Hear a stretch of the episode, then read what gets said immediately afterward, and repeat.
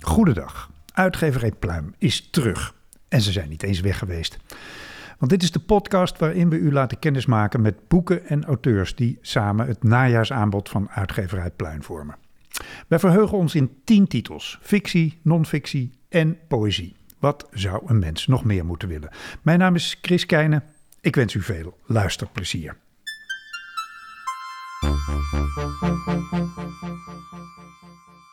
De helft van de wereldbevolking bestaat uit vrouwen. Maar de geschiedenis lijkt bepaald door de ontdekkingen, veroveringen en heerschappijen van mannen. In de geschiedenisboeken zijn vrouwen vaak onzichtbaar en als ze er al in voorkomen, worden ze stereotyperend neergezet als hoer, heks of heilige. Dat vrouwen zijn onderdrukt en een andere maatschappelijke positie hadden, mag geen reden zijn om ze zo weg te zetten.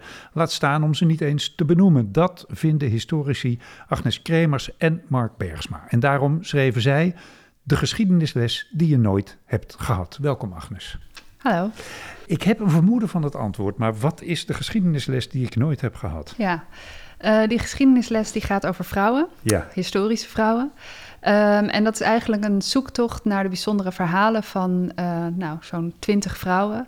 Um, dat zijn uh, um, de onbekende historische vrouwen, maar ook wel soms de bekende, mm -hmm. die op een bepaalde manier zijn weggeschreven in de geschiedenis. Weggeschreven? Ja.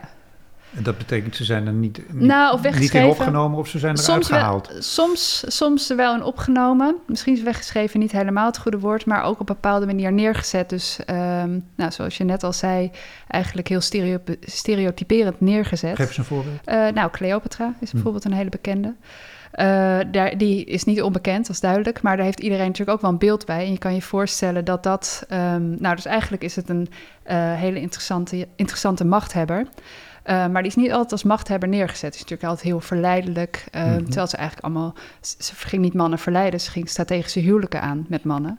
Um, en bij mannen zou je zelden zien dat die als verleider worden neergezet. Ik bedoel, dan is het duidelijk dat het om strategische huwelijken ging. Uh, maar het gaat ook over um, um, onbekende vrouwen... Die misschien soms wel eens... Een, die zijn wel eens gevonden in bepaalde bronnen, maar uh, die, die we eigenlijk niet kennen, misschien wel moeten kennen. En geef daar een voorbeeld van. Uh, nou, bijvoorbeeld Virginia Demetricia. Dat is een, uh, uh, die wordt ook wel de rebel van Aruba genoemd. Dat is een tot slaaf gemaakte vrouw. en zij um, is eigenlijk altijd in opstand gekomen tegen haar meester. En die werd ook steeds opgepakt. En het bijzondere van haar is eigenlijk, um, ten eerste, hoe vervelend het ook is, we weten vrij weinig van haar, maar we weten dus wel door die politierapporten dat ze steeds maar eigenlijk in opstand kwam en ook ging vluchten van haar meester en van het land. Um, en het is heel interessant, want het ze is nog jong, ze is 16. En eigenlijk wil je gewoon weten van wat was haar, wat, wat deed ze? Ja.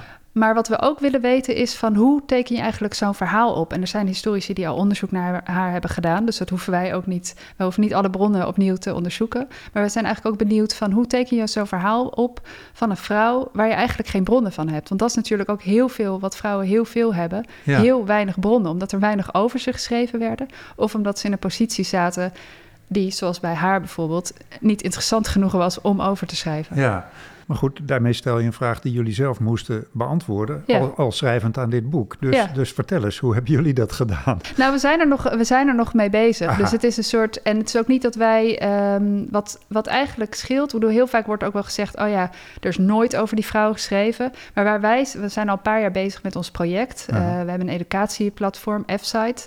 Ehm, en daar hebben we heel veel verhalen al ehm, op, opgeschreven. Er, zijn, er is ook allemaal lesmateriaal bij gemaakt. En dus wat eigenlijk ons opviel, is dat er eigenlijk hoeveel er eigenlijk wel al in artikelen, interviews, ehm, ook gewoon boeken eh, eh, al staat over die vrouwen.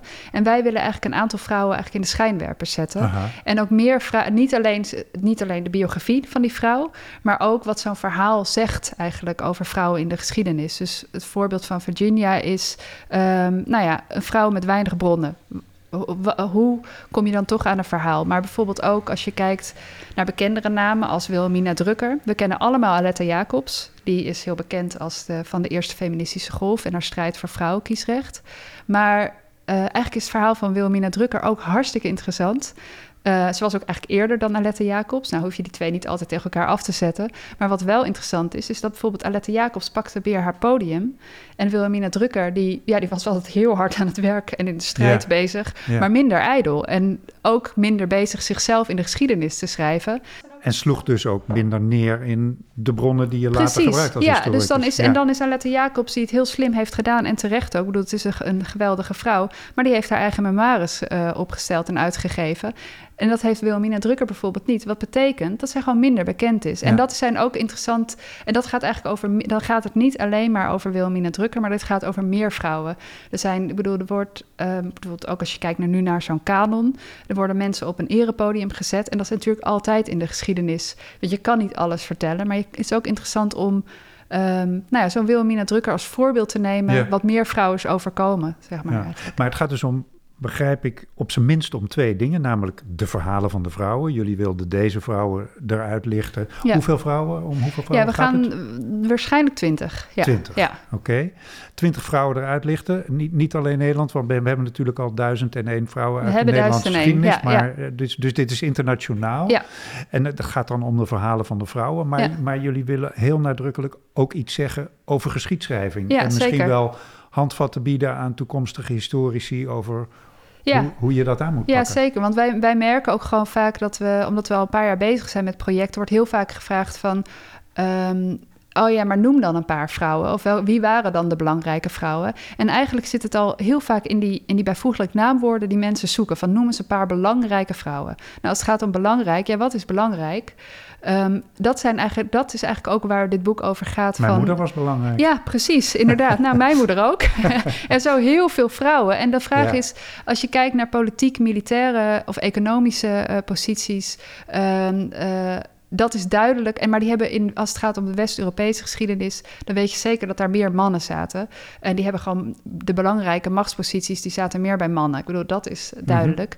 En het interessante, denk ik, is uh, wat wij, of wat wij in ieder geval interessant vinden en willen overbrengen, um, is dat belangrijk misschien ook soms subjectief is in de zin van dat heel veel vrouwen natuurlijk, er zitten allemaal hele slimme vrouwen tussen. En die zaten ergens, die deden dingen. Wat deden ze? Als ze misschien niet die machtsposities hadden, waar zaten ze dan wel? Ja, waarmee het natuurlijk niet een academisch boek wordt, denk ik. Nee, nee, het is echt een. ja, ja, we hebben ook een eigen bedrijf. We zijn, we zijn publiekshistorici. Uh, we doen alleen maar publiekshistorische projecten. Dus dat, gaat, dat is niet een boek wat op de boekenplank binnen de academie hoeft te blijven liggen. Oké. Nou, veel succes nog met het boek, want het verschijnt bij uitgever Pluim op 28 januari 2021. De geschiedenisles die je nooit hebt gehad. Dank, Agnes Kremers. Dankjewel.